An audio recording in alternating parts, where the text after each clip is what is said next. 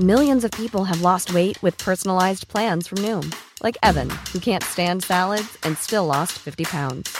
Salads, generally, for most people, are the easy button, right? For me, that wasn't an option. I never really was a salad guy. That's just not who I am. But Noom worked for me. Get your personalized plan today at Noom.com. Real Noom user compensated to provide their story. In four weeks, the typical Noom user can expect to lose one to two pounds per week. Individual results may vary. One size fits all seemed like a good idea for clothes. Nice dress. Uh, it's a it's a t-shirt. Until you tried it on. Same goes for your healthcare. That's why United Healthcare offers a variety of flexible, budget friendly coverage for medical, vision, dental, and more. So, whether you're between jobs, coming off a parent's plan, or even missed open enrollment, you can find the plan that fits you best. Find out more about United Healthcare coverage at uh1.com. That's uh1.com. Since 2013, Bombas has donated over 100 million socks, underwear, and t shirts to those facing homelessness.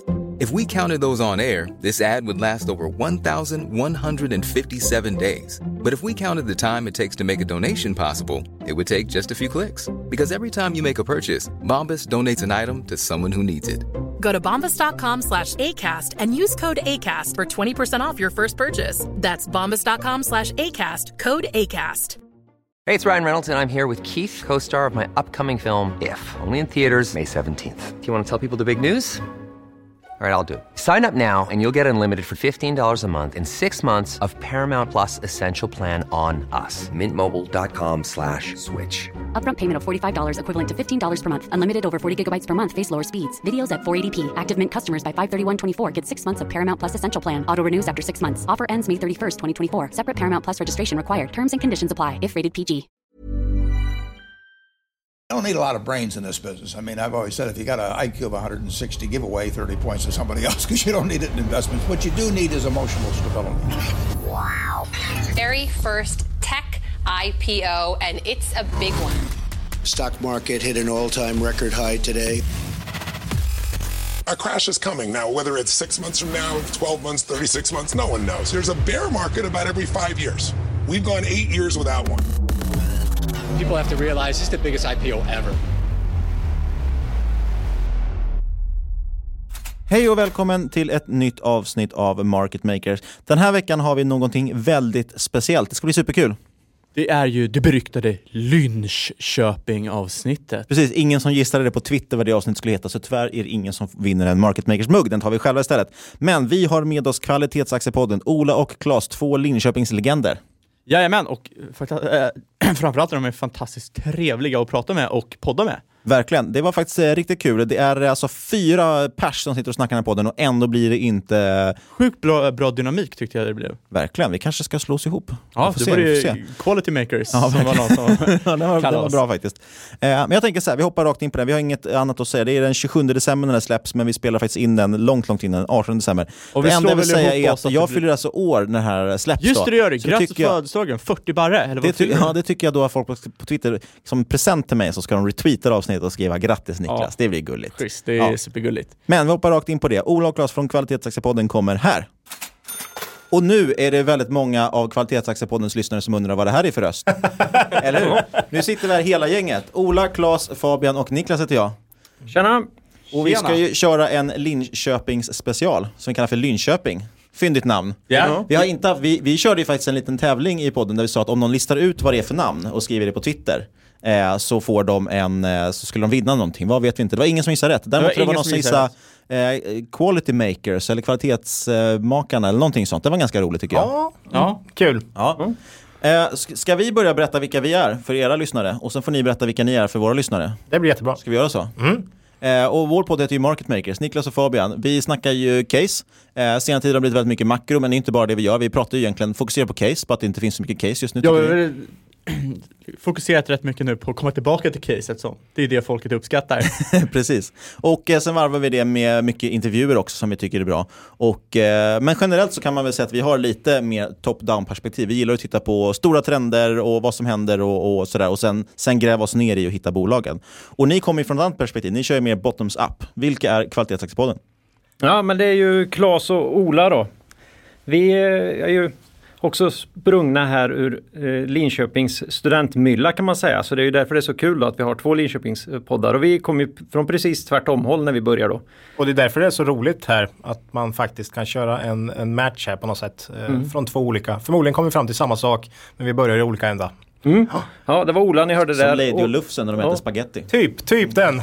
Ja just det, vi kysser varandra i mitten där Ja, någonstans. Ja, ja. det hoppas vi, det kan Ja. bli lite kärlek. Eh, nej, vi har ju haft eh, bolagsfokus rakt igenom och håller på och söker det vi kallar för kvalitetsbolag då. Och inte bara kvalitetsbolag utan gärna försöka hitta några som är värda kanske att investera i då. Eh, inte, har inte varit så lätt sista Nej. tiden men vi kämpar på för det vi gör. Mm. Ola kan berätta, vi jobbar ju med det här på heltid. Ja, vi har ett bolag som vi har jobbat, eller jag har jobbat med i 15 år men eh, nu jobbar ju Claes också sedan ett och ett halvt år tillbaks och vi jobbar ju med värdeinvesteringar och värdeinvesteringar är ju basen för podden också. Buffett, Lynch, Howard Marks. Och det är ju typ exakt våra största inspirationskällor också. Det är Även de om vi- investerarna vi har grundat oss i. Men sen har vi tagit ett annat, ett annat eh, Exakt. grepp Mm. om det. Mm. Varför ska vi prata om Linköping då? Ja, för att eh, vi bor här och eh, verkar här. Och, Det är väl som Warren Buffett säger, man ska kolla på hemmaplan. ja, ja. Gräva där man står. Eh, nej, men vi, det finns lite intressanta bolag med tydliga eh, branscher helt enkelt. Och vi har ju valt ut liksom de tre som kanske mest är förknippade med Linköping, eller de tre bolag som folk tänker på Linköping, eller liksom tänker på när de hör Linköping. Exakt, och man kan ju nämna, vi är ju bägge stockholmare, men vi har ju bägge pluggat här i Linköping, Yes. precis som ni har gjort. Eh, till och med lite på samma program, lite överlappningar i alla fall. Alla är ju ingenjörer härifrån kan man säga. Eh, bara det att jag vägrade läsa klart. Ska Det vi är, börja? det är många som har Vi hoppat ska, av. vi ska prata Cloetta, vi ska prata Sectra som ingen fattar vad de gör. Och så ska vi prata om eh, Saab som alla vet precis vad de gör. Mm. Eh, ett bolag som gör folk feta, ett som räddar liv och ett som dödar liv. Kan man säga så? Ja, det var, Ja, ja, det var ja. lite hårt. Men lite hårt. De skulle väl också vilja säga att de räddar liv i och för sig. Men, ja, nej, men det är ju lite kul. Vi var ju vi var på universitetet då när den stora striden stod huruvida man skulle få sätta upp ett flygplan då vid själva universitetet. Alla som åkt förbi Linköping vet ju att Saabs plan finns ju längs E4. Men uppe på universitetet där var det stopp. Fick Så ibland, eh, så ibland så vet, förstår man inte riktigt var pengarna kommer ifrån som finansierar hela den här. Ryktena när Verksamheten. man, när man pluggade på universitetet var att designen på campus såg ju ut på det sättet för att man snabbt skulle kunna bygga om det till en eh, fabrik för just Saab. Ja, eller en hangar möjligen. Hangar också, Ja, och ja. det såg man ju eh, tentamenssalarna som var i stort sett gamla hangarer. Ja, det är ju, jag tror på den. Ja, absolut. Nej, men jämför med liksom karisman i Uppsala och Lund till exempel och så kommer du hit. Det är lite, lite skillnad. Ja, men det är ju plåtlada utanför stan. Ja, det är det. Precis. Där har vi faktiskt Norrkö- campuset i Norrköping är faktiskt väldigt fint i de gamla fabrikslokalerna med tegel och sådär. Så den är, den är mycket snyggare. Då tycker jag vi börjar med bolaget Cloetta. Det är ju ett bolag som alla känner till. Eh, men vi kanske ska berätta någonting om dem. Är det någon som känner att de har någon eh, koppling till det här bolaget? Ja, Jag, jag bor ju i Ljungsbro då. Eh, det är ju en ort utanför oerhört vackert beläget vid Göta kanal. Och Motala ström då, där kraften då kom en gång i tiden till den här chokladfabriken, flyttade vid sekelskiftet ut till, till Ljungsbro. Och då säger vi förra sekelskiftet. Då säger vi förra Mm. sekelskiftet ja. Och eh, ja, hela, hela orten är ju uppvuxen runt, runt chokladfabriken. Det var ju en egen kommun. Eh, arkitekterna på det var ju nästan en bruksverksamhet kan man säga. Men på fabriken har ju ritat både kommunhuset som numera är biblioteket och de här riktigt fina byggnaderna som finns i Ljungsbro. Så det, det, det är väl värt ett besök. De har ju sån här eh, fabriksförsäljning också va? så att man kan få med sig något gott. Inte bara den fina naturupplevelsen. Jag var ju faktiskt på väg nu när vi skulle flytta så pratade vi om att flytta till Ljungsbro. Sen kom vi på bättre tankar. Ibland blir det fel men så kan det vara. Ja, men det man kan säga om Cloetta är att de äger ju, alltså det handlar ju bara om varumärken. Mm. Man har ju Läkerol, kexchoklad, Ahlgrens bilar, eh, mitt favoritgodis Polly Ja. och även. De- Men är inte det allas, är Polly. inte Polly allas favoritgodis? Det är ju mitt favoritgodis. Ja, jag vet en del som inte gillar Plopp Ja, också. Plopp gillar jag. är Man ska riktigt gå på choklad, chokladrussen. Eh, mest intressant just nu är ju kanske då juleskum. Oh, Det kan man ju åka till Cloetta-butiken och köpa stora två kilos eh, Och dunkar, att de på sen säga. eh, 2017 äger Candy King och det är ju Precis. sjukt populärt nu i juletider. Verkligen. jul, juleskum såg jag var fjärde största godispåsen på årsbasis. Säljs bara under jul. Och ändå så kommer de upp För nummer på, fyra. på året. Ja, det Det är är snyggt. imponerande. Galet. Ja. Och Det är väl som eh, vet du det, julmust också. Mm. Mm. Säljer galna volymer och där har ju Coca-Cola, eh, kan man ju lyssna på faktiskt. Kapitalet gjorde en podcast om julmust som är värd att lyssna på. Den var rolig faktiskt. Det är ett gammalt familjeföretag som gör eh, i princip all julmust, eller essensen till det. Mm. Cloetta i alla fall grundat 1862. Där kan man prata långsiktigt eh, bolag. Mm. Ja. Är det ett kvalitetsbolag då? Ja, det tycker jag faktiskt. Och eh, grundar, grundaren har ju kvar ägande via ättlingar fortfarande. Eh, via Hjalmar Svanstedts eh, stiftelse här då va. Eh, så det, jag tycker det känns intressant och kvalitet, mm. självklart. Eh, och många av varumärkena här, eh, hörde på Niklas Anderssons podd här. Investeraren. Går, investeraren går ju tillbaks 70 80, 90, 100 år tillbaka i tiden och väldigt stor del av omsättningen är fortfarande baserad på de här gamla varumärkena vilket innebär att det här måste vara en, ett vallgravsbolag så att säga. Verkligen. De säger det också, Cloetta själva säger ju att det är en extremt impulsstyrd marknad. Alltså just godis är det mest impulsstyrna i, i dagligvaruhandeln. Man har ju viss konkurrens från det här, man pratar om EMV, alltså när ICA till exempel gör sina egna varor och så. De har ju e- ICAs egna choklad och så vidare. Men det är jättesvårt att slå sig in där, så det står bara för typ 10% av försäljningen. Eh, det folk gör är att man plockar, man köper på impuls och då plockar man ju en kexchoklad, eller man plockar det man känner igen och så ligger det ofta i slutet vid kassan och sådär. Mm. Och då känner man igen själv om man går och handlar hungrig, då köper man ju med sig godis. Det gör man ju inte om man inte är hungrig. Kan det vara att folk skäms lite också, så man bara rycker något snabbt så folk inte ska se och då blir det det här så kan det säkert vara. Sen tror jag också att det blir, det blir comfort food och då, då vill du ju ha det här det du känner igen. Ja. Ska du då köpa en kexchoklad som är off-brand, som inte är det här vanliga, mm. så smakar den annorlunda, ja då har du precis förstört den kvällen. Ja, jag vet inte ens vad prisskillnaden är, den, den kanske jag, tror, jag tror inte att det ens är någon prisskillnad. Jag tror, nej. För, nej, jag tror inte de har det, för just framförallt med kexchoklad vet jag också hört att de har så extremt, alltså det, det, de har faktiskt väldigt bra marginal ändå, men den är extremt billig att tillverka. Ja. Eh, och därför, det är ju en av de mest prisvärda godisarna faktiskt om man är intresserad av sparad krona och sånt där. Mm. Då... Och en av de minst goda, enligt mig. ja, nu får, du, nu får du lugna dig. ja, det är fantastiskt. Nej, men man är ju präglad på de här. Jag insåg ju för några år sedan där att jag Innan jag flyttade till Ljungsbro, eller i vevan där, så hade jag ju börjat släppa kexchoklad. Tycker den är lite jobbig, smälter lite va. Jag, har ju bytt, hade ju bytt till sportlunch mm. och kände att jag hade liksom verkligen tagit ett stort kliv. Nej, det är ju samma grej, det är bara mm. en, annan, en annan förpackning. Så nu är man fast. Men säger du kexchoklad? Jag, jag är ju inte från Östergötland vet du. Jag är, ah, okay. jag är för väst. I, Östergötland, jag är ju den enda östgöten här då. Får man, mm. Där säger man kexchoklad faktiskt. Det, mm. det, kan jag säga. Ja, alla normala svenskar säger faktiskt kexchoklad. Ska vi vara kex och kex? ja. ja. Den. Något som är intressant för Cloetta, de säljer i mer än 50 länder. Det kan man inte tro. Nej. Nej. Eh, huvudmarknaden dock är ju Norden, Nederländerna, eh, Storbritannien och Tyskland. Största marknaden är just då Tyskland och, eh, eh, förlåt, största marknaden för godis och choklad är Tyskland och Storbritannien, men Cloetta är störst i Sverige och Finland. Det är de mm. största marknaderna man har. Eh, och generellt är det egentligen choklad. Det är faktiskt den största godissorten egentligen, i, tittar man liksom över världen. Så. Mm. Eh, men för Cloetta är det ju godis. Jag får mig att det står för närmare 60% av försäljningen är ju godis. Ja, det är väl bara Sverige och Finland som, och vad kan det vara, Holland som har den här liksom gelégodis kulturen som vi har. Och framförallt lösgodis är extremt ovanligt. Ja, absolut. Eh, en av få lösgodisbutiker jag har sprungit på i världen var i Grekland hittade jag en lösgodisbutik och de hade inte alls fattat konceptet för de hade olika priser på varje godissort. Så tänk att ni står framför godishyllan och så ska oh. ni välja Ferrari-bilar. Ja, den kostar 1,50 okay. styck. Och sen så är det en annan som kostar 2,50 styck. Mm. Det är ju totalt omöjligt att ha. Ja, men det där är som på gamla goda tiden när mina föräldrar var unga. Då gick man ju till liksom eh, lokala liksom, cigarettbutiken. Och så gick man, tog man en liksom, av varje. Men de, brukar, ju, de brukar ju plocka ihop det åt en. Så Precis, de hade ja. koll, så de hade koll liksom. Ja. Mm. Ja. Eh, men det är lite intressant just med, som vi säger med varumärken, det är ju det största och det är därför det är så svårt att slå sig in på nytt. Så det är väldigt svårt att få till tillväxt också. Mm. Och det ser man ju att det, det växer ju ganska dåligt egentligen Cloetta. Det är ju ett, ett, väldigt stabilt bolag så. Eh, och det är ju liksom det som dominerar världsmarknaden, det är ju de här, det är ju Mars till exempel, vi har Mondelez som äger Marabou då, med mjölk, choklad och allting. Eh, Perfetti, Ferrero och sen så har man de här Haribo, Faser, Orkla. Det finns ju massa bolag. Men det är extremt få som har liksom en stabil, alltså de, man har ju aldrig en hel marknad i princip. Nej. Utan man kan vara stark på, ja men en liten, som Sverige eller så är man stark i, i Tyskland eller någonting sånt. Eh, men så det är ganska svårt. Cloetta pratar ju själv om 1-2% marknadstillväxt över tid. Mm, och Cloetta har ju inte riktigt kommit upp i de sista åren.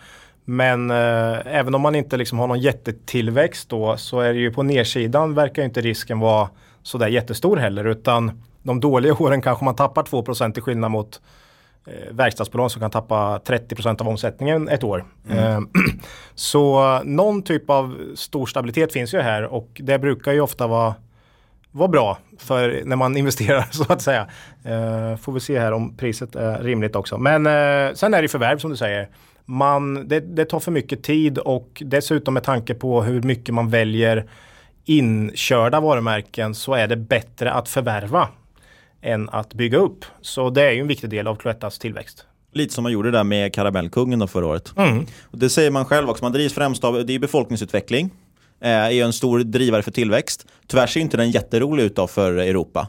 Eh, man har ju faktiskt en man avtagande tillväxttakt i befolkningen. Då ser man ju också att eh, folk i, i framförallt västvärlden skaffar ju färre och färre barn. Jag tror att snittet är väl typ en och en halv, ett och ett halvt barn per par. Och då går det ju faktiskt back. Mm. Eh, och då får man det här så kallade köttberget också som byggs upp med Mm. pension och allting. Men Sverige håller i det va? Vi ligger väl på två ändå fortfarande, är vi inte det? Det har jag inte i huvudet faktiskt. Ja, det tror jag nog. Ja, det men det så är ju det är. Ja. modernt nu att skaffa tre barn vet du. Så att de. De håller emot de här. Men eh, samtidigt är det många då som håller emot har jag sett nu med att det är ju en klimatgrej nu också att man inte ska skaffa barn. Då, att det är bättre för klimatet, att det är det sämsta man kan göra för klimatet. Oj, Eh, jag tycker okej. man kan tänka lite annorlunda än så. Mm, det är det Eh, bästa de kan göra för våra pensioner. Ja, precis. Håll ut! Ja. Eh, Men befolkningsutveckling och prishöjningar, hur ska man tänka kring prishöjningar Fabian? inte det bara inflation? Jo, i stort sett, men man ser ju det här på flera industrier. Du ser det ju i stort sett hela restaurangbranschen och det här eh, casual dining har ju varit jättepopulärt bland svenska retail-investerare. Eh, det finns ju olika typer av pizzabolag och så har du ju till exempel McDonalds.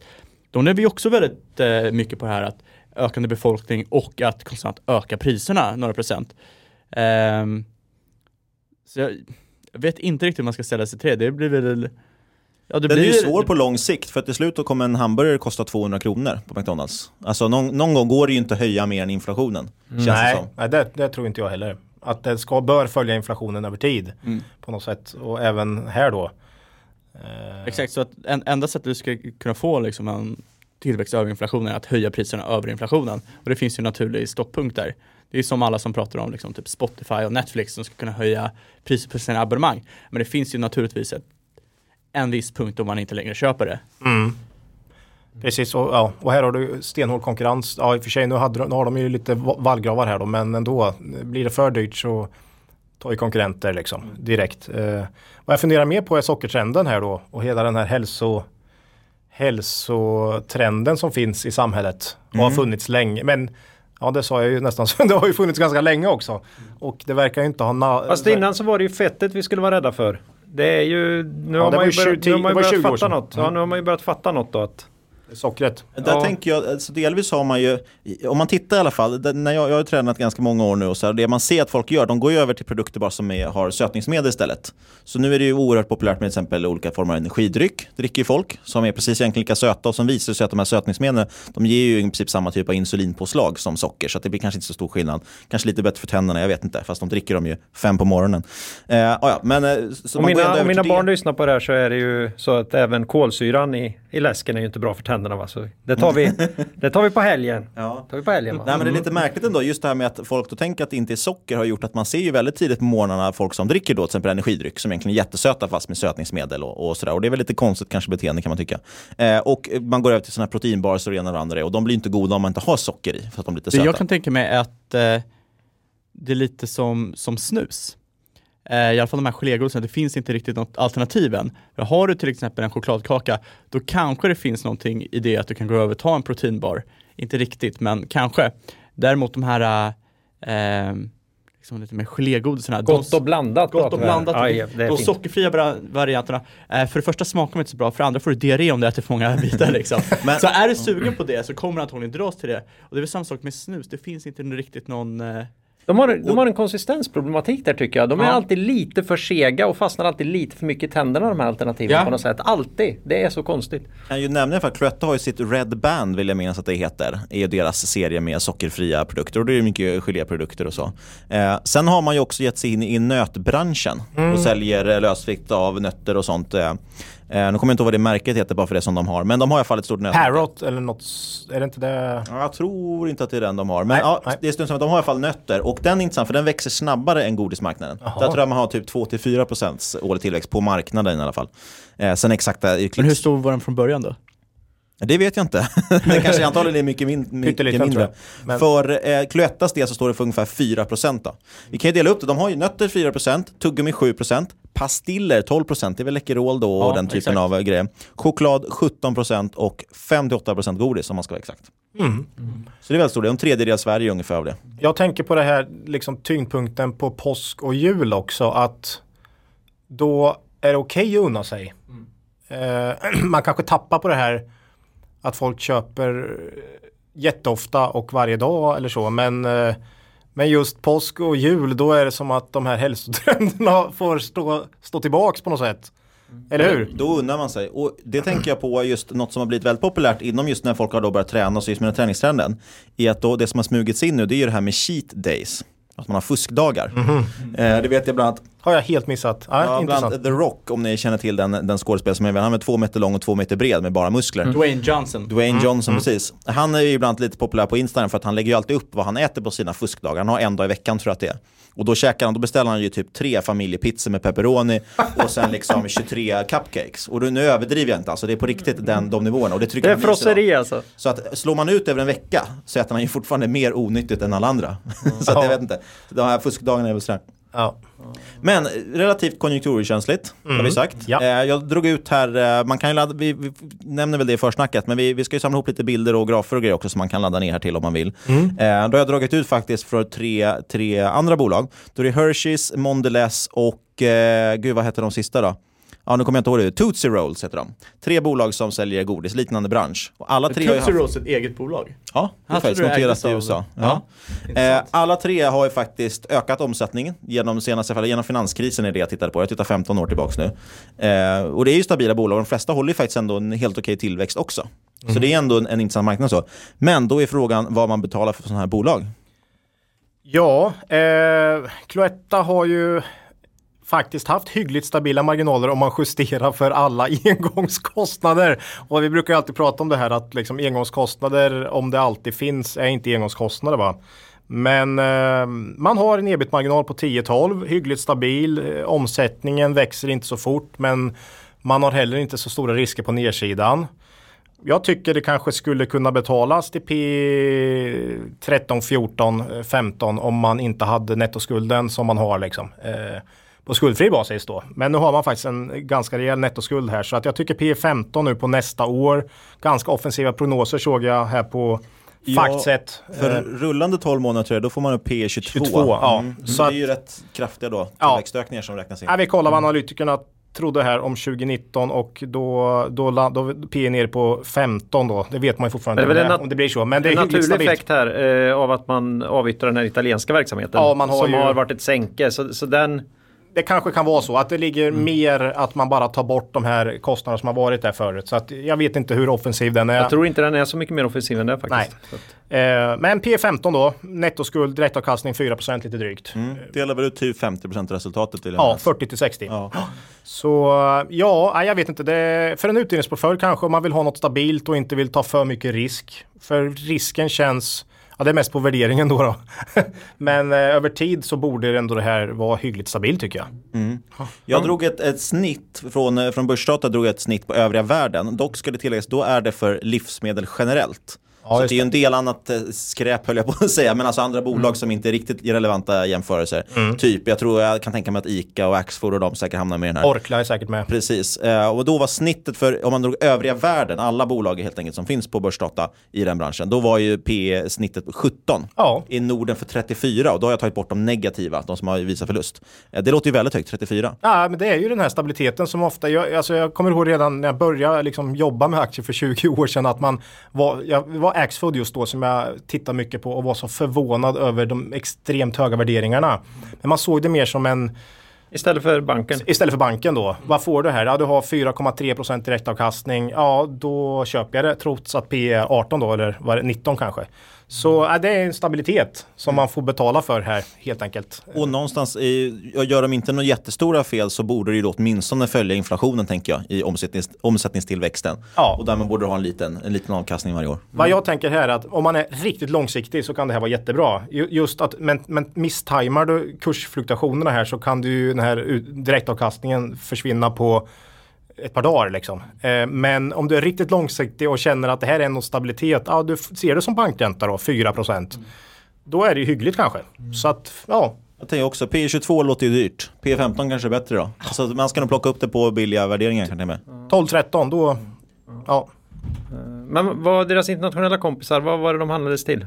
Nu. Eh, 17 fick jag ut då, men då drog jag som sagt på, det var ju på, på alla livsmedel egentligen. Och historik Eh, förmodligen.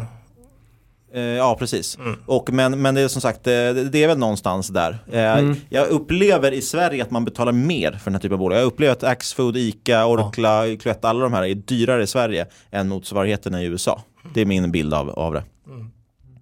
Eh, sen har jag skickat med massa grafer här om råvaror och ena delen. För att 70% av Cloettas kostnader här ju till inköp av råmaterial och emballage. Och då är det framförallt socker, kakao eh, och där har man massa ja, ändringar i sockerkvotsystem i EU. Så där. Det behöver vi inte gå in på, det är ganska tråkigt. Men, eh, men det är en stor del av deras kostnader. Men det är ingenting riktigt jag tycker man ska sitta och spekulera i sockerpriser till exempel. Det blir väldigt svårt tror jag. Och, Ja, och Cloetta är nog ett bolag man ska köpa och äga över lång tid på något sätt om man, om man är intresserad av den typen av bolag och då liksom. De Men här, hur, ja. hur kan många råvaror, jag vet inte exakt hur det är för Cloetta, många råvaror har ju varit rätt pressade i år till exempel. Hur kan det påverka marginalerna framöver? Det, påver det påverkar jättemycket. Just som sagt, emballage och råmaterial är de stora kostnaderna. Eh, socker dock är intressant, för 20, 2017, alltså förra året, avskaffade man det som heter Europeiska sockerkvotsystemet.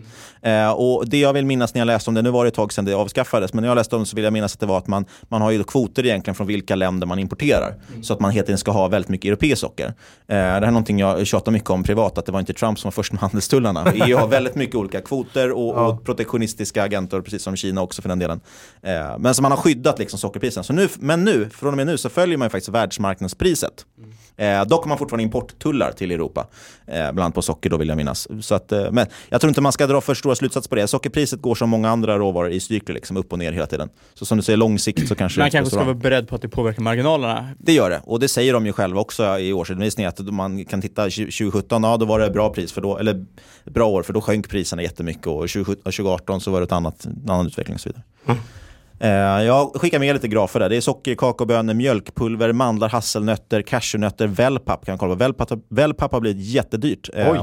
Ja, men det vet jag ju att Stig- skogsbolag, ja, ja men det stämmer. ja. Stiger från 600 till 700 euro per ton senaste året. Mm. Ska vi hoppa vidare? Ja, slutliga tankar kanske vi ska ta. Någonting sista om bolaget. Utdelnings, eh, lång utdelningsportfölj. Eh, Vi tycker inte det känns så här jättespännande för tillfället. Det är väl så. Nej, jag har skrivit ner här, noterat aktien ner närmare 12% i år, men fortsatt hög värdering. Mm. Så att den, man får väl hoppas att den går ner ännu mer, om man vill ha den. Ja, inget för mig just nu. Eh, Det är ingen som äger bolaget. Kan, ingen som äger. Nej, kan, kanske ingen. okänsligt, okänsligt för konjunkturen men eh, Det är det nog. jobbigt om, liksom, om, det, om det bara växer med inflationen och ska eh, följa med börsen ner då kanske det inte är superkul. Det man kan hoppas på, tänker jag här, eh, det är ju att det blir som i, i många andra, när man haft en dålig marknad så säljer ju folk allt för att få likviditet. Och då dras ju sådana här bolag ner också. Jo. Eh, så att det kan antagligen bli ett bra köptillfälle. Får man det Då, för ett, mm. eh, för ett lågt P tal till exempel, eller vad man nu tittar på, så, så kan det vara en jättebra case tror jag. Ja, P närmare 10 kanske är Mm. superintressant. Det där är ju min erfarenhet att allt säljs ju ner såklart. Och då ska man ju plocka upp sånt som är, inte borde ju göra det såklart. Det. Precis. Sen ska man väl säga, det, det ser ju inte ut som att de, de behöver ju köpa, köpa sig till tillväxt. Och nu senast fick man ju ändå lite pengar för den här italienska det här italienska äventyret, jag vet inte, det kan ha varit jättelångt när man fick med sig det så att säga. Men då delar man ju om- omedelbart ut de pengarna. Det är ju ett ganska tydligt tecken på att det är inte så att de sitter och slår just nu Nej, på, på någonting. De har inget att lägga pengarna på så då delar de ut dem. Och med den balansräkning de har så kunde man ju kanske gjort något annat med. Ja, nej, det, Det kan ju vara värt att notera, tittar man på direktavkastningen så ser, ligger den på över 5%. Och det är ju för att de har delat ut extra. Så där är det viktigt Ja, att just på det. ordinarie det, ligger på precis. 83% någonting tror jag. good point. ja, 0,75 kallar de väl sin. Jag har en övergång till nästa bolag. Eh, Förutom att båda är från Linköping. De har också exakt samma market cap. Jaha. 7,5 miljard. Men det här bolaget omsätter en fjärdedel så mycket då som eh, Cloetta. Kan det vara en hedgefondstrategi att handla spreaden mellan Cloetta och eh, Sectra? Ja, ja, vad har vi att säga om Sectra då? tekniskt ser det bra ut. Ja, det är ju något helt annat.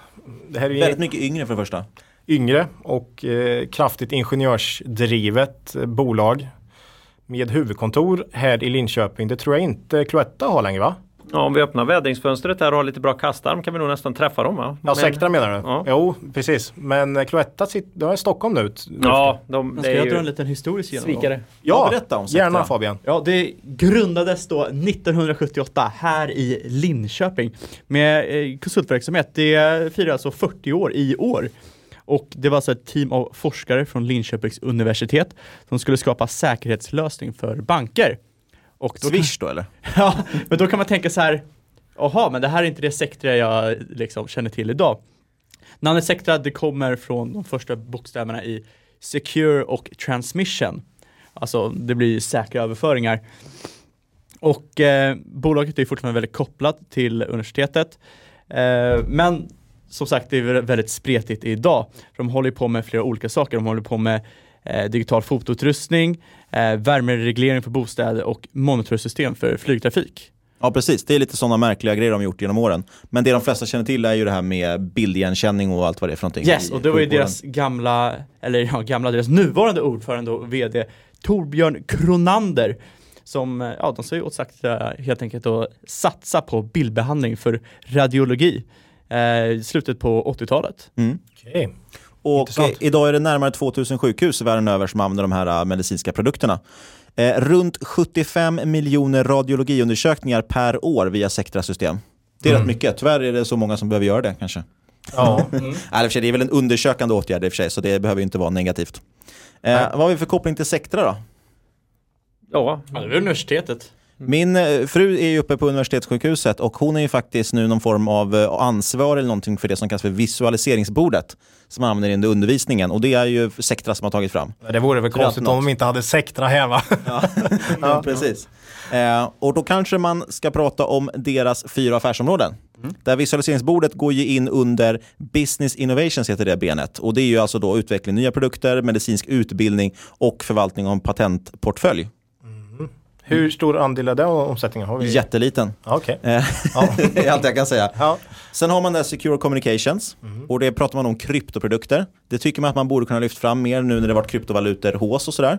Hade man kunnat lyfta det, kanske ändra namn till Sectra Blockchain. Hade man fått en bra kursrörelse. ja, det var många som gjorde förra året faktiskt. La in blockchain någonstans. I. Ja. Och Long Island Ice Tea Blockchain, eller vad hette den? Ja, någonting som Long Island Ice Tea Blockchain Corporation typ.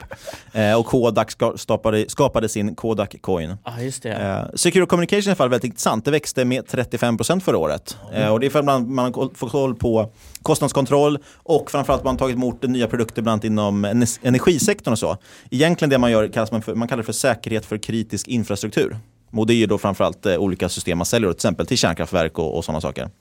Eh, också väldigt dock liten del av eh, vad heter det, omsättningen. Sen har man Sectra Customer Financing. Rätt intressant finansieringslösning för Mm. deras kunder helt Det är enkelt. vissa som kör det brukar vara bra. men det, är det nära kopplat till image, imaging Precis, så att när man säljer in då, då man häv, lyfter fram det själv att det är en väldig fördel i upphandlingar. Så att när man håller på med upphandlingar och ska sälja in något system till sjukhus så kan man dessutom bjuda på finansieringslösningen. Och det är ju ett enkelt sätt att, faktiskt att få ränta på sina pengar egentligen. Då har man ett eget sparkonto kan man nästan säga. Men eh, över 90% av eh, rörelseresultatet kommer från Imaging IT Solutions. Så det är väl det man får, borde fokusera på. Och det här är då det är radiologi, mammografi, patologi, kardiologi, massa, massa ologier. Eh, och eh, där har man väl den här megatrenden med ökad cancer, tyvärr. Men Det är det de är duktiga på. Ja, men jag tyckte det var jätteintressant när man lä- har läst på i- innan här och eh, det som är väldigt hoppfullt och som är väldigt bra för Sectra det är ju att folk börjar överleva cancer. Man är ju på väg mot ett läge och det tar tid. Och herregud, folk dör fort i cancer så det är ju, vi är långt ifrån men statistiskt inte individuellt utan statistiskt så överlever vi fler och fler cancerar och vi kommer åt dem. Men det är ju också att du, det är ju livsvarigt. Du kommer ju alltid behöva komma tillbaka och du kommer vilja kolla. Det måste vara fruktansvärt att leva med det där och det är ju precis då Sectras produkter kommer in. Så här, här har ju, känns som att de är väldigt, väldigt väl positionerade i den positiva trenden som ändå, som ändå cancer är i. Eh, antalet nya cancerfall per år i världen beräknas öka med mer än 50% faktiskt Mm. till 2030. då, 2030. Eh, det är ju inte så bra då, men, Men hur eh, många det är av dem är bra för som- sektor om man ska vara hård. hur många av dem är folk som har överlevt cancer i ett varv och sen fått det igen? Det vet vi inte va? För, Nej, det, för det kommer bli det vanligare och vanligare. fråga. det Ja, kommer bli precis. jättevanligt och att man som ung då överlever en cancer och sen kanske man har lite större risk att stöta på en cancer när man blir äldre och sådär. Så att, Jag, kan, eh, jag skickar med en, en tabell där på den frågan du hade Olle med hur stor andel av varje affärsben står för. Mm. Både omsättning och rörelseresultat. Men man kan nämna att eh, Business Innovation står för ungefär 3% av rörelseresultatet. Secure Communications, alltså den här grundprodukten, står för 10% av omsättning men bara 3% av rörelseresultat. Och sen så har man Customer Financing som står för 10% av omsättning och 2% av rörelseresultat. Eh, men man kan tro både att Secure Communications och Financing-delen då kan faktiskt växa, för de är rätt intressanta. Absolut. Nej, men Sectra har ju en, eh, det är inget snack om att de är i en extremt intressant bransch, demografiskt framförallt. Så känns ju det här verkligen spot on och eh, förhoppningsvis bra för mänskligheten också då. Mm. Över tid. Så att eh, vi ska ju snacka lite värdering och så. Jag, jag förstår att värderingen är hög liksom. Eh, jätteintressant. Och något som jag tycker man verkligen ska lyfta, det var intressant, jag försökte ju också göra här sån relativvärderingar och sånt, både över världen och eh, i Norden. Och det är nästan omöjligt för att mer än hälften av bolagen typ går ju med förlust i den här mm. branschen för att det kommer in så mycket förhoppningsbolag och sådär. Där tycker jag verkligen man skulle ta en sekt att de är ju superlönsamma. Alltså mm. de tjänar ju väldigt mycket pengar ändå. Eh, de lägger ungefär ja, 10-15% av intäkterna på R&D Så man finansierar ju hela utvecklingen och forskningen själv. Och dessutom för en ganska liten del egentligen av resultatet. Ja. Eh, och det är då förhoppningsvis kan man få, då och då kan man få någon spin-off eller hitta någonting nytt som gör att man får ytterligare lönsamhet. Liksom. Mm. Eh, det är ju väldigt hög avkastning när man väl hittar ett projekt som funkar. Ja, det, är, det, är, det är ett spännande bolag faktiskt. Och sen är de ju liksom ändå rätt diversifierade i flera länder. Eh, de är inte bara verksamma i Sverige, de har ju liksom eh, verksamma i USA, liksom flera länder och Europa. Det är väl bara cirka 30% som kommer, och deras omsättning som kommer från Sverige. Precis. Mm. Eh, ja. Nej men eh, bra lönsamhet som du sa. Det är liksom 15-20% rörelsemarginal sista fem åren och lite, lite sämre senaste två kvartalen här nu då. Aktien har ju kommit ner lite på grund av en ganska svag eh, Q3 här då. Men eh, nej, välskött nettokassa och, och så. Så att eh, jag förstår att många vill ha det här. Tillväxten var lite lägre faktiskt än vad jag trodde. De har ju ett, ett mål va, om det, jag ska få mig att det är 50% rörelse, 50% tillväxt i rörelseresultat var femte år vill man ju landa på. Mm. Eh, och det är ju rätt trevligt och de har ju lyckats nå över tid dessutom. För att de senaste fem åren hade man ju typ 140% tillväxt någonting sånt. Mm, omsättningstillväxten är inte lika hög som vinsttillväxten. Eh, och eh, man har ju en extremt bra bruttomarginal som de flesta mjukvarubolag då, 85-90%. Så eh, det brukar ju liksom leda till bättre lönsamhet över tid också. Man behöver inte öka antalet anställda så mycket efterhand. Så eh, nej, väldigt fint bolag men omsättningstillväxten är ju ensiffrig. Men vinsttillväxten kanske 15 i snitt då per år.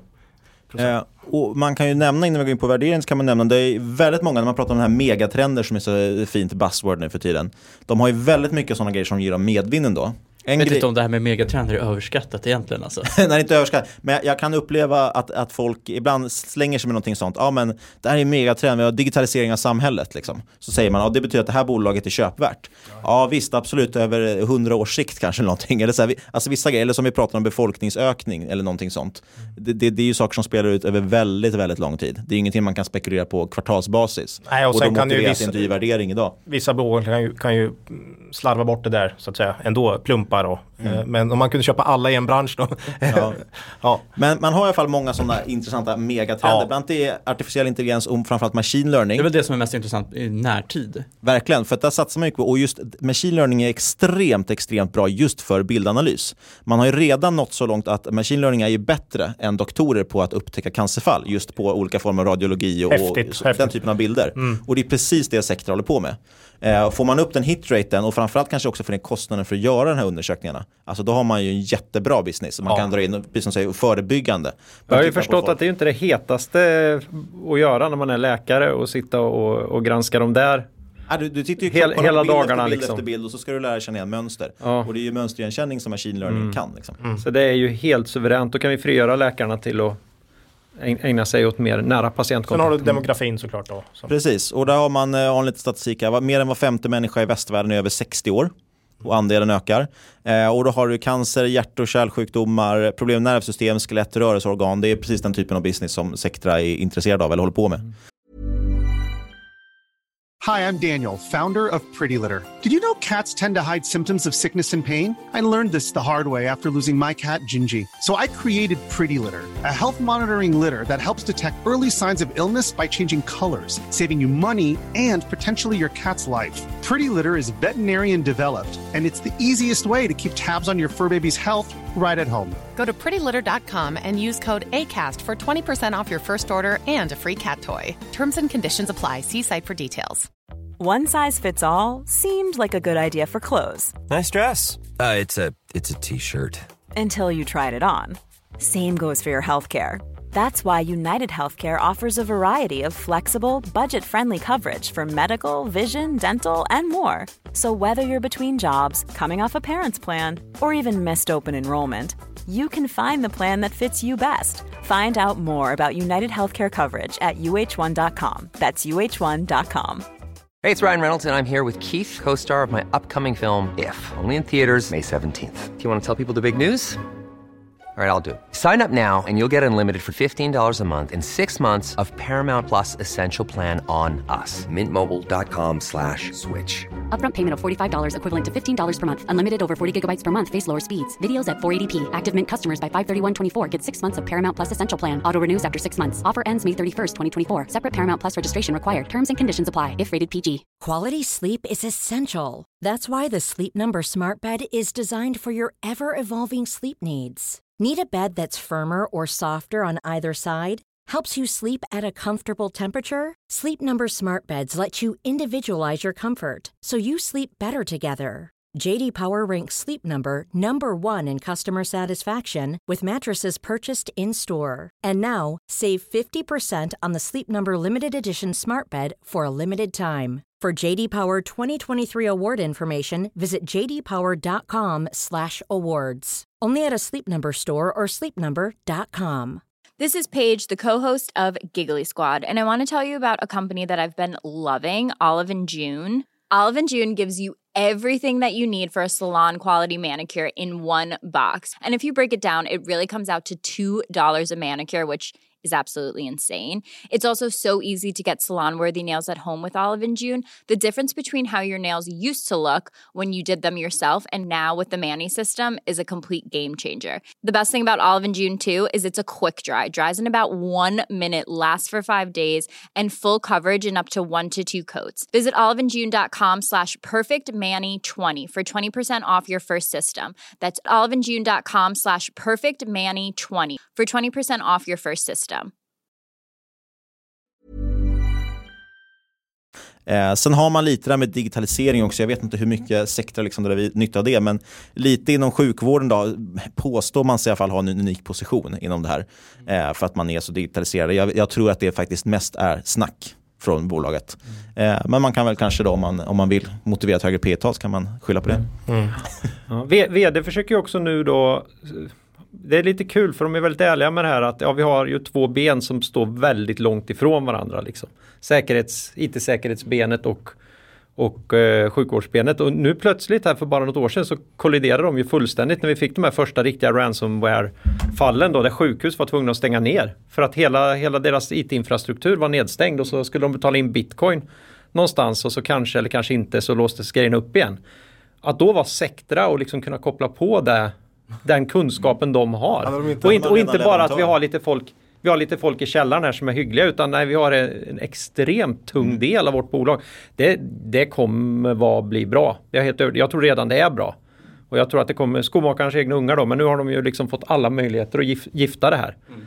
Så det, måste vara kul för dem. Ja. Och just när man redan kanske gjort upphandling så man är en leverantör. Jag kan tänka mig att det är lättare och få in ytterligare då den försäljningsdelen. Mm. Jag skrev faktiskt ner det också som en megatrend med kvantdatorer.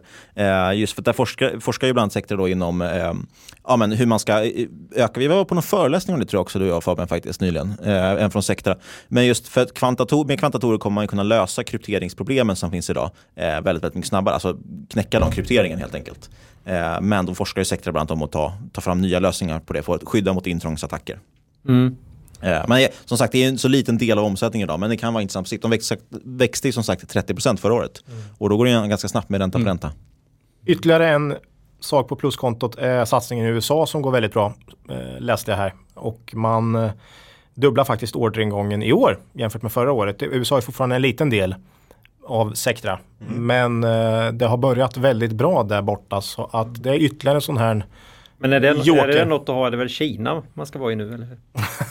ja, Nej, det är en sån ekonomi Nej. där borta så man blir för fasen rädd varje Nej, gång. men jag menar USA måste ju vara en gigantisk marknad såklart. Så, så att eh, den, den ligger också på pluskontot där. Mm. Såklart. Och man har väl typ 20% eller någonting av eh, försäljningen i USA också. Mm. Lite drygt tror jag. Ja. Värderingsmässigt då? Ja, där är ju egentligen det första riktigt negativa. ja, nej, men som jag sa, jag förstår att Sectra handlas högt för det är många saker som är attraktiva här ju. Som vi har sagt då, men eh, vi har ett PE på cirka 35 kanske och EV ebit på 30. Så man får ju verkligen betala här liksom. Och med den här tillväxten. Ja, för, nä för nästa år? För nästa år, mm. ja precis. Det här är väl eh, Mm. Enligt, eh, vad heter de nu?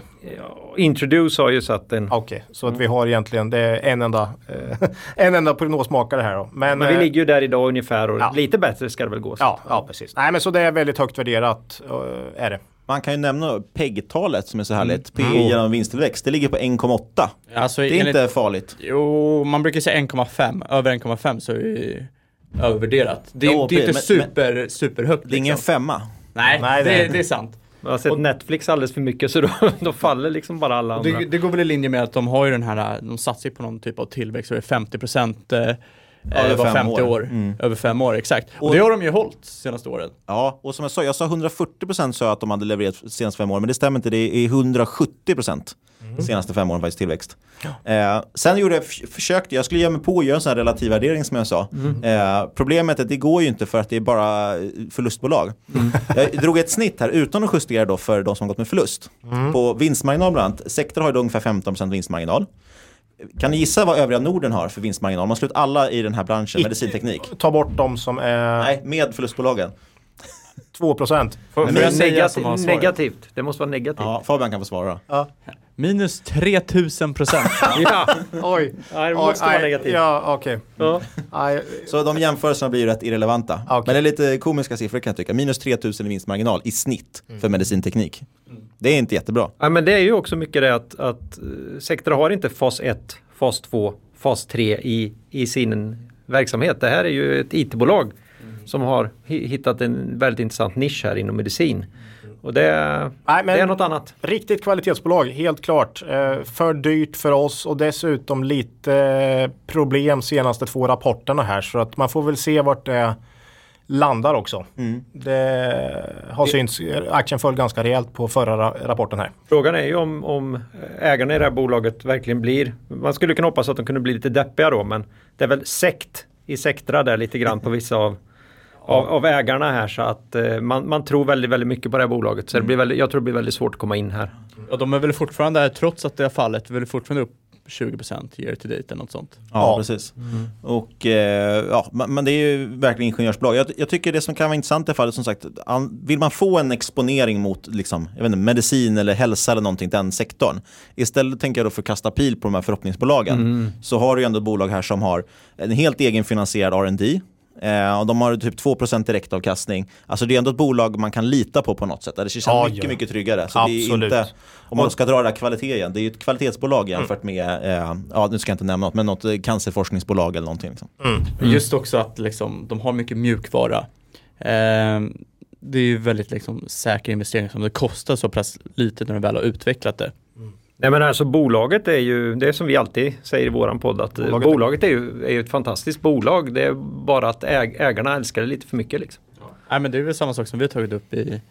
våran podd. Det är jättelätt att snacka, det finns så sjukt många fina bolag. Mm. Men det är väldigt ofta man kommer liksom det är andra som hittat det innan. De har ju insett att det är fint mm. därför är det lite dyrt. Men lite som vi pratar Cloetta här. Om det blir rejält skakigt på börsen och tillväxt. Äh, tillväxt har ju premierats extremt mycket också tycker jag. Sista fem åren. Eh, och då kan det bli en, en liksom, det kan bli ett ras även i de här aktierna såklart. Och då, och då kanske man kan komma in till en vettig nivå. Jag tycker P 2025 absolut här. Men 35 är lite väl liksom. Och Sectra har ju fallit, jag tror att det är, det är typ en tredjedel av börsvärdet har ju utraderats faktiskt sen toppen. Om man räknar från toppen Absolut. i år. Mm. Så att eh, uppenbarligen har det ju närmast slaktats då. Så att det finns ju kanske ännu mer att ge dem på nedsidan så att säga. Men det kan bli ett intressant bolag Börsen har varit svag och fortsätter det så kan det ju fortsätta tappa med allt annat såklart. Mm. Så hittills har vi haft två ändå ganska stabila, trevliga Verkligen. bolag från Linköping. Absolut. Då går vi in på det tredje. Ja, Saab. Jag tänkte säga med flygande fläng eller något sånt här men jag fick inte till det alls här. Alltså det det gick Saab- inte. Nej, Saab är ju eh, också ett av de konstigaste bolagsnamnen tycker jag i Sverige. Eh, Svenska Aero... Aktiebolag. Ja, AB i Saab står ju för aktiebolag. Sen slog man ihop det då till en förkortning Saab och då var man tvungen att lägga till AB. För att, så nu är det Saab AB. Så det blir ju svenska aeroplan, aeroflyg, aktiebolag, aktiebolag. Ja, den har jag inte tänkt på. Ja, det var roligt. Okej. Den tycker jag är konstig. Ja, eh, Det är ju konstigt. helt fantastiskt ju. Ja, det är kul. Ja, bra. Väldigt märkligt. Ja, här har vi ju ett helt annat bolag och eh, dignitet också då. Eh, Investor, huvudägare, Marcus Wallenberg ordförande. Bara det eh, säger ju en del tycker jag. Och 45 miljarder market cap här. Så att det... De har ju enskilda produkter som har som kostar som de här andra bolagen har i årsomsättning. Så att det, ja, ja. Nej, väldigt eh, speciellt bolag såklart. Firar väl 80 år, jag kommer inte om det var i år eller förra året eller nästa år eller någonting. Runt 80 år i alla fall är det. Bolaget. Också gammalt. Och det är faktiskt så man pluggar på universitetet här, om man inte kan nämna vilket flygplan det är som flyger ovanför eh, skolan, ja då får man ju inte godkänt och kan inte gå ut. Nej precis, och det är därför jag inte klarat mig. Jag Ja, var ju på. Y-programmet också, teknisk fysik. Där är det ju alla som börjar där är ju flygplansnördar i princip. Mm. Det var min upplevelse. Väldigt många ville jobba på Saab, det var drömmen liksom. Eh, och det är väl lite som vi sa, Sectra, där, fast de kommer ju då från medicinhållet liksom, man både universitetssjukhuset och, och Tekniska högskolan. Eh, Men vi, vi pratade om det innan, att det är väldigt mycket lojalt folk känns som på något sätt. Ja. Alltså man vill verkligen, man drivs ju för att få forska och driva fram produkter och så vidare. Och det är ju samma på Saab, där har man ingenjörer som de vill ju verkligen jobba Men med förstå vilken fördel för bolagen att ha den auran kring sig och suga upp ingenjörer bara av sig själv. De enda, alltså det är Saab och Volvo som jag vet, de har den här att folk, de kanske börjar plugga och liksom redan år ett, då vet de, jag ska jobba här. Mm. Så jag känner ju folk liksom från Stockholm, här, Linköping och från andra ställen. Som, de har bestämt sig redan när de kommit in att jag ska jobba på Saab. Mm. Eller på Volvo liksom. Och, eh, Och jag, jag kan till och med tänka mig att många söker sig till Linköpings universitet för att man vill sen hamna på Saab. Alltså väldigt tydligt. Eh, och det finns ju inga alternativ, återigen med relativ värdering, jag skulle försöka jämföra då med övriga Norden. Då hittar jag ett bolag som var i samma industri som Saab. Så det, det finns ju inte så många andra flygplanstillverkare liksom att gå till. Nej, om man jag ska man dra- Norge hittar jag Kongsbergsgruppen. Ja, just de det. Och de, precis. är- jag kan inte påstå att jag vet exakt vad de gör, men de håller också på med olika typer av militärmateriel. Då. Eller försvarsindustrin heter det ju så fint. Ja men innan man börjar gräva i det här, vi som då är i Linköping, det, jag vet inte, det finns ju andra flygstäder naturligtvis men i perioder då när man har de här testperioderna, jag, det har man varit med om i omgångar, särskilt när JAS verkligen skulle börja flyga då på riktigt eh, i slutet på 90-talet. Då, då stannade ju föreläsningarna upp. Och så, så är det även när man sitter i möten idag men då, då hörde ju liksom, man hörde ju att nu är det, nu är det på ja men det här kommer åt vårat håll. Då blev det en naturlig tystnad. Kan ju vara i två minuter. alla, bara, alla bara satt, det blev bara tyst för man väntar ut liksom. För Men det är lite, det är så in... Men man, man, man, man, det är ju man, ingen idé att försöka Nej, liksom. och, och man, det här finns i vardagen i Linköping. Så att det är en det är väldigt inget... speciell grej som man vänjer sig vid. Ja, visst gör man. Alltså liksom du... Men det finns ju nästan inte någon Nej, annanstans. man slutar prata ett litet tag och sen så väntar man tills planet är förbi och sen så kan man börja prata igen. Liksom. Ja, det är ju beroende på Och det är inget väderförhållanden. konstigt det. Ja men alltså det, kör de riktigt nära ja då känner man det i fönstren. Ja, verkligen. Nej, så det, man, man lever ju med Saab. Eh, verkligen. När, Nej, man, när man bor i Linköping. Det var intressant det här du sa Niklas om eh, att det är svårt att hitta peers här då. Och de här tre bolagen som vi då tar upp här i Linköping specialen, de är ganska, de är, de är på väldigt tydliga marknader och ska du investera i något sånt i Sverige så är det nästan de här tre bolagen. Vilket också såklart kan dra upp värderingen på de här i och med att du inte har någon, några, några alternativ om du vill ha försvar, godis eh, eller vad, ja. Jättebra poäng just och, och som försvar nu har ju varit på tapeten med geopolitisk oro och man har ju faktiskt sett ökade försvarsbudgetar och allting. Eh, och då blir det så, sitter man då kanske som en svensk fondförvaltare och så ska man välja då, vi, vi vill ha större exponering mot försvarsindustrin. Och så finns det ett bolag att köpa. Har, förhoppningsvis har du mandat att köpa i Norge också, liksom. då kan du utöka lite grann. Men då blir det ju Saab som, som ska upp. Ska vi stega igenom affärsområdena? För nu har vi pratat om JAS Gripen, det är ju det alla tänker på. Eh, här har man ju faktiskt... Gör de mer? Ja, de gör faktiskt lite Jaha, mer. jaha. Man har ju faktiskt ganska jämn fördelning, det är inte så många som tror. Eh, Alla områden ligger mellan 10 och 20 procent. Och det är då, vad ska jag säga, sex stycken områden. Så jag drar igenom dem jättefort. Eller vill du dra dem Fabian? Ska vi ta varannan? Vi kan ta varannan. Vi kör som, som knatte för natte chatte. Eh, största området är surveillance, alltså övervakning. Det största det är nog lite drygt 20% då. Och då är det just eh, flygburna, landbaserade och marina system inom radar, signalspaning och självskydd. Och här har man även lite civila kunder också. Jag tror man har eh, lite drygt 10% säljer man faktiskt till civila kunder Ja, också. 16 faktiskt läste jag i senaste rapporten här. Ja, men du ser, 16 procent civila produkter. Mm. Eh, ja. Ja, och det näst största, det är väl det som är mest känt, tror jag, och det är Aeronautics. Och det är väl det som är mest glamoröst om man vill jobba på Saab tror jag. Precis. Och det är produktion och försäljning av luftburna system, den kallas, med tillhörande delsystem. ja men här ingår ju bland annat produktion och försäljning av Gripen. Yes. Men även det nya skolflygplanet då eller?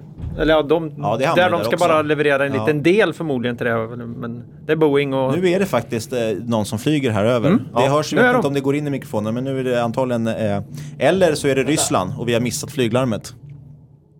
Man känner sig i alla fall rätt säker för det finns ju Ja. rätt mycket Gripen. ja. Jo. Eller så ska man känna sig minst säker, för det här kommer bomba först. Du vet väl vad som hände med tjuven som bröt sig in på Saab? Han blev gripen. Förlåt, det var ingen Göteborgspodd. Tredje största området är support and services och det är ju ungefär vad det låter som. Det är tekniskt underhåll, logistik och, och lösningar, tjänster och bla bla bla. Det är väl, eh, kan jag tänka mig då också framförallt just när man säljer olika typer av utrustning så säljer man med supportlösningar också så. Fjärde har vi ju Dynamics. Och där, det är pang, pang för pengarna. Ja, det är pang-pang så det ryker om det. Och det är produkter för markburen strid, du har missilsystem, du har torpeder, sensorsystem, eh, undervattensfarkoster som är obemannade, eh, fjärrstyrda fordon, eh, säkerhetssystem för eh, olje och gasindustrin och eh, kärnkraftverk. Ja, allt som smäller och låter är det Ja. typ. Ja, inte, inte kärnkraftverken. Nej. Nej. Hoppas vi inte. Ja, men vi, vi pratade lite om det innan också, det här med Bofors som man äger en del av. Och det ingår ju nu i Saab Dynamics. Och Dynamics är väl ordet för, för smällar antar jag då. Eh, och sen de lika stora områdena på slutet här, det är de minsta, det är ju bland annat Kockums då. Eh, de just det. tillverkar väl fartygssystem, alltså olika typer av eh, marina system på olika sätt. Och sen så är det Industrial Product and Services och det är väl väldigt blandat gissar jag på. Det är väl allt annat som varit över. Mm. Skickar man in där. Väldigt eh, passande med jag som glider omkring här. Det är helt otroligt, Att det kommer alltså. just nu. Det, ja, det. Nej, men jag tycker, nej, men vi kör ju bara. Ja, Ja, jag antar att man det borde dåna in lite grann om det. Annars får jag då. lägga på ett Annars ljud. får du lägga på ett ljud här. Ja, gammalt propellerplan liksom, noll känsla. Sluta Eh, tvätta ljudet. Ja, geografiskt i alla fall, nästan 60% av intäkterna från Europa. Mhm. Kan vara värt att veta. Och det jag tycker man verkligen ska ta med sig till sådana bolag, som är det svåra med sådana bolag, det är ju den här stora risken. Eh, man handlar ju med regeringar och myndigheter framförallt. Eh, och det, det har ju genom åren Eh, tänker inte nämna om det nödvändigtvis är Saab specifikt, men den här typen av bolag, tyvärr då, ibland säljer man ju till länder där det föregår korruption och det kan vara väldigt stora avtal och faller inte det ut då, då får man ingenting. Och, så det är väldigt cykliskt på så sätt att man har ja, stora skillnader i orderingången. Projektstyrt, extremt projektstyrt och jätte, jättelånga affärer också. Orderböcker kanske brukar tryckas ut på något år, åt max i många bolag. Men här är det liksom under tio år kanske man, man jobbar med vissa ordrar. Så att, eh, ja, eh, väldigt speciellt. Nu, nu har jag inte räknat på det här. Vi räknade ju på Saab för, det var ju några år sedan nu Fabian. Eh, just på orderboken tittade vi på då. Eh, och den var ju då, nu, nu drar jag det här helt ur huvudet då, för att jag, jag kommer inte ihåg exakt, men jag för mig att orderboken var väl typ 3-5 gånger så stor som börsvärdet eller något sånt. Ja. Alltså det var något sånt helt sanslös Ja. siffra. Eh, ta mig inte på orden där, men den var extremt mycket större i alla fall. Det är ju just för att, som du säger, det tar så lång tid. Helt unikt är det ju med, så, med den typen av orderböcker. Liksom. Eh, Men också här det här med stabilitet och eh, om vi tar Linköping då. Så visst, det finns konjunkturkänsliga bolag i Linköping med. Men de här tre är faktiskt inte särskilt styra av just den allmänna konjunkturen. Ingen av dem. Nej. Så det är ju lite intressant för arbetssituationen eh, situationen i Linköping. Eh, kanske en något stabilare eh, arbetslöshetsnivå då, kan man tänka. Jag väljer att säga att det kan ju gå åt skogen precis när som helst. ja, det kan det göra också. Nej, det är ju, det är ju Lite det är stabilitet. väldigt stabilt.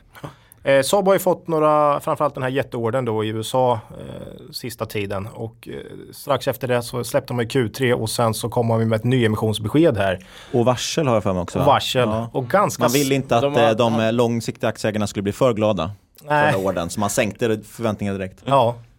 Eh, nej, men ganska svårt kassaflöde har jag sett också över tid. Hög nettoskuld. Hög nettoskuld ja.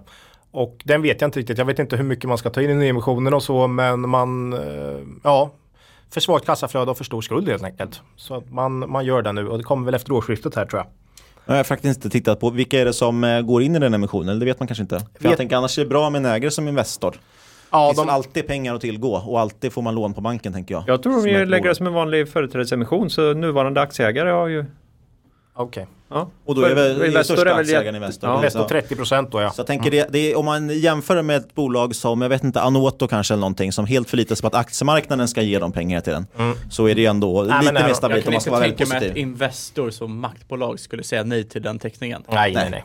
Utan det är ju, det är ju nästan 100% det känns som. Ja, och annars ringer man SEB och tar ett lån. ja, precis. Eh, kan ju nämna, jag sa ju det med, med försvarsutgifter då över världen, har faktiskt ökat nu två år i rad, totala försvarsutgifterna. Det är ju positivt för Saab då. Har du Eh, någon långsiktig trend på det? här? Typ 10 år eller något? Ja, tyvärr inte. Nej. Eh, Det jag kan nämna för att Nordamerika ökar för första gången på många år. Så de har ju varit eh, stabilt eller nedåt eh, senaste åren och det kanske beror på att man har haft Demokraterna då i, vid makten. En allmän avrustning sista 20 åren i, Europa, eller i världen. Ja, men absolut. Samtidigt som Sen det är kall för upprustning med tanke på att, eh, det är väl FN? Eh, nej, det är NATO. Eh, eftersom USA står för så stor del och de vill ju att resten av världen ska göra, liksom, dra sitt strå till stacken. Precis, där trycker ju Trump på väldigt mycket. Och det har man sagt, sett att det har ökat två år i rad. Eh, under 2016 då så var ju USA störst i världen när det gäller försvarsutgifter och då har man ju det här Lockheed Martin och allt vad det är för någonting. Man har ju väldigt mycket amerikanska bolag som man kanske går först till. Sen är det Kina och sen är det Ryssland. Och eh, alla de här länderna liksom har som sagt ökat. Störst eh, i de här topp fem, det är Indien som har, eh, när det gäller tillväxt. De har ökat med 8,5% ungefär, sin försvarsbudget. Och det blir ganska mycket pengar och de är topp fem i, i världen som sagt. Och det är ju det här, det är ökad osäkerhet. Det är allt Absolut. möjligt. Krig, terrorism, geopolitiska hot, cyber, cyberattacker som det så fint heter. Kanske någonting för sektorer där också som vi pratar om med ransomware och så. Eh, Jag tänker på alltså, det högteknologiska kriget. Man har ju, det finns ganska mycket försvars, inte bara försvarsindustrier utan försvaret är också väldigt närvarande fortfarande i, i Linköping. Så där har man ju kontakter och många av dem, ja det är väldigt upprördhet här nu då när vi börjar rusta upp Sverige igen. Efter att ha gått alldeles, alldeles för långt åt andra hållet, enligt många. Det, jag har ingen stark åsikt. Eh, Men då, och då säger man, herregud, här har vi liksom kasserat materiel för miljard efter miljard. Och de är ju jätteglada. För de sa, det här är den chansen vi har nu att äntligen få ett modernt försvar. För vi var så fruktansvärt efter i stora delar. Hellre ha lite mindre grejer som är top notch. Än att ha, att ha gammalt skräp, liksom någon romantisk totalförsvarstanke. När, nu när kriget kommer, det kommer vara på ett sätt vi inte riktigt förstår liksom laserstyrda självtänkande missiler så kommer dundrande liksom, du behöver något annat än k-pist då i ett mobbförråd så att säga. Så att eh, det måste ju vara en trend som även Saab kan, eh, ja de är, måste vara en del av den och det är väl därför liksom, de hann ju knappt bli klara med Gripen uppgradera en gång, nu är de tvungna att uppgradera, uppgradera igen liksom. Och det lyfter Gripen ju, E. Precis som många andra bolag så lyfter de ju digitalisering som, som eh, stor trend liksom också. Eh, något man jobbar med som är lite intressant, jag kan inte eh, liksom ge påstå att jag vet hur det kommer påverka resultat eller så för dem. Eh, men någonting man satsar mycket på är det som kallas för virtualisering. Det vill säga att man lyfter fritt hårdvaran från mjukvaran, man separerar dem. Och framförallt separation då också även av det som man kallar för säkerhetskritisk data. Så i princip då, eh, det här är min tolkning av det, men om du har ett Gripen till exempel så har du en del som är säkerhetskritisk, det vill säga att den faktiskt håller höjden och, och styr liksom, alltså hela den delen av, av flyget. Den behöver du inte uppgradera egentligen så mycket och den behöver framförallt inte göra själv för den är inte unik för Saabs eh, flygplan. Och man räknar med att ungefär 95% av all mjukvaruutveckling bör man kunna outsourca eller då plocka in från öppna, alltså öppen mjukvara eller då köpa in på olika sätt. Vilket betyder att man då ska kunna satsa på den här 5%. Och anledningen till att man vill göra det är också precis som du nämner att, att man måste uppgraderas ofta nu. Det händer går så himla fort. Och då måste man verkligen grotta ner sig och satsa på den delen som gör liksom, Gripen unik. Och det är intressant, det kan bli någon grej som slår väldigt mycket mot, eh, mot kostnadssidan. Jag vet inte, men det, det är en intressant del av det i alla fall.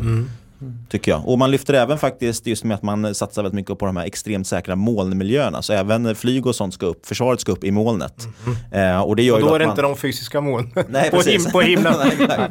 Eh, och då blir det ju, nej, de kommer ju Kina skjuta bort med sina luftkanoner. Och Ja. det som är intressant där är att om man bygger upp sådana molnlösningar då, eh, förhoppningsvis då har man, kan man koppla på då andra tjänster också, integrera ännu mer olika artificiell intelligens och sånt som finns som öppna bibliotek. Så det kan ju också göra de här planen och försvarssystemen väldigt mycket mer, eh, vad heter det, utvecklade Intressant tycker jag. Mycket intressant. Mm. Ja. En, en, en liten, liten eh, snabbkoppling där bara över till lilla Avtech där som kommer ju med sin moln, molnlösning för att göra mycket, mycket mer detaljerat väder. Det har ju inte, marknaden har ju inte liksom blivit helt överlycklig över att, att de är först eftersom de bara har rättigheterna typ i tre år. Men den typen av lösningar kommer ju helt, det kommer förändra spelplaner. Det är ju lika viktigt för ett stridsflygplan att veta vad åskan är inom en mil istället för vad är det 14 mils kuber de har nu. De får reda på där någonstans är det åska. Mm. Ja, då kan jag inte åka in där. Nu minskar det och det måste ju Saab vara med på. Alla måste ju vara med här. Absolut. Så det händer väl Och massor där. Generellt är ju molnlösningar, återigen inte fysiska molnen utan datamoln eller vad man ska kalla det för, eh, är ju en jätteintressant trend och någonting som är väldigt bra. Men det har ju varit svårt för försvaret just för att man måste ha det så extremt säkert. Mm. Man kan inte sitta och skicka sin data till typ Microsoft Azure till exempel i, och så vet man att NSA lyssnar av allting. Liksom. Alltså det, Mm. det funkar liksom inte att köra det modernt utan man måste ha egna system då, väldigt säkerhetskritiska. Så det är en intressant, eh, intressant bit av det. Men det är också ett jättedyrt bolag, eller hur?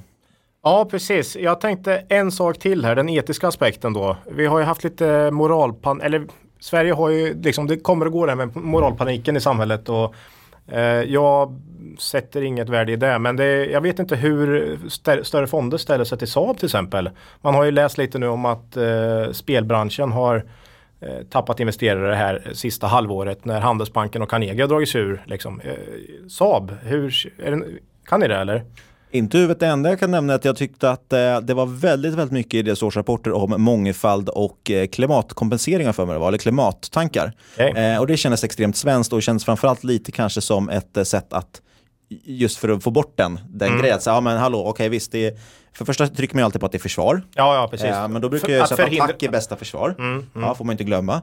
Eh, men, och, och framförallt då satsar man väldigt mycket på mångfald och, och klimat och sådana saker just för att det ska då kännas, ja men det här är ändå kosher liksom. Så. Men jag vet inte hur de agerar faktiskt. Nej, inte jag heller.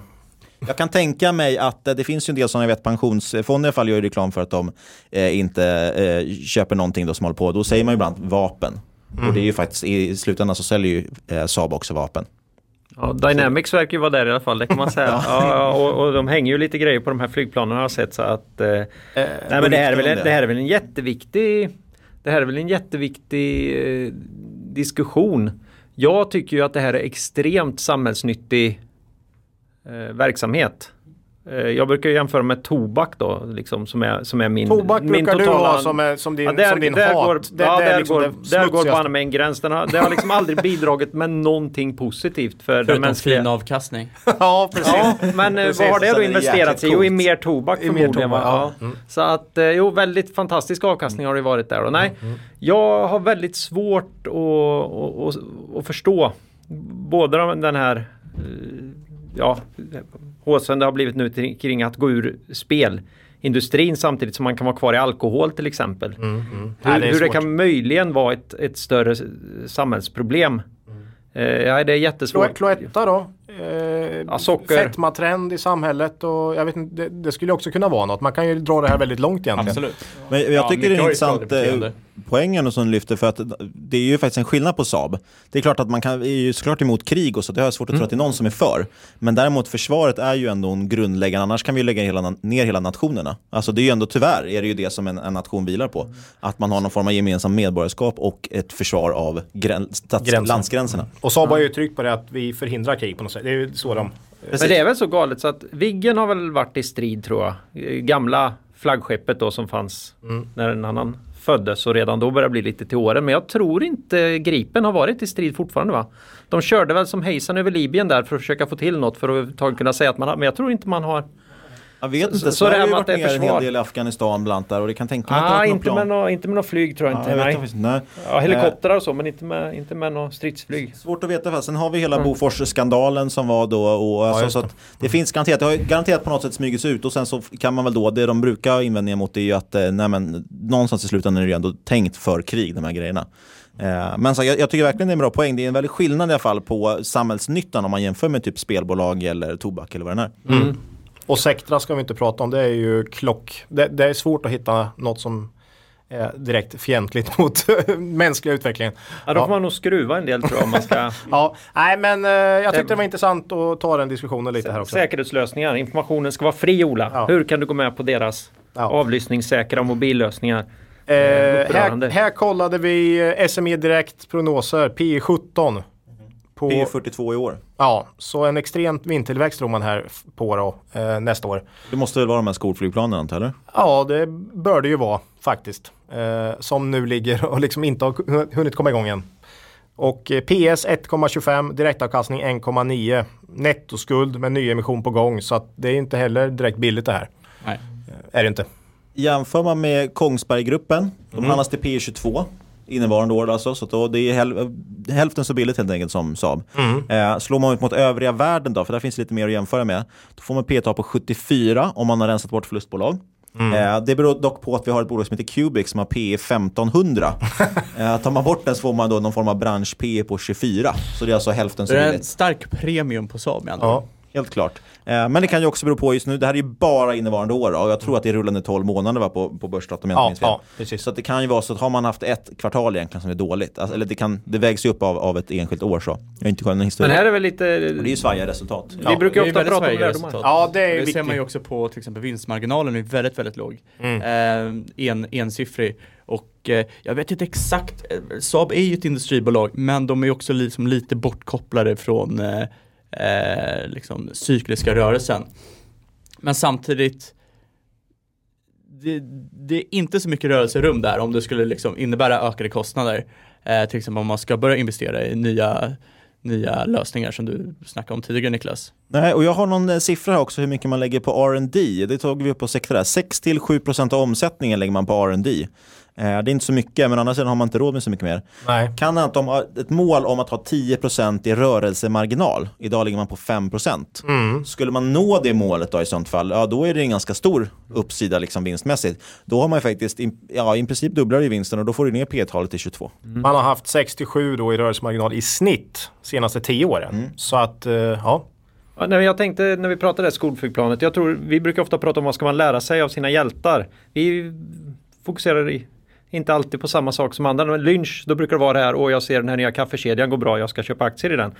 En sak som Lynch pratar väldigt mycket om var ju att ta reda på hur stor del av verksamheten som den här prylen, den här nya smarta plastpåsen du har hittat, verkligen utgör. Och det var vi ju inne på här innan att Ja, alltså skol, eh, flygplansdelen här är ju en av är hur, En femtedel. Ja, en, en, en femtedel idag. Alltså, den, det ska kicka rejält Mm. för att det, ska, det verkligen ska slå igenom i Saab. Och det måste man också räkna på. Jag har inte räknat på det ordentligt. Men, men man måste inse att det är en femtedel.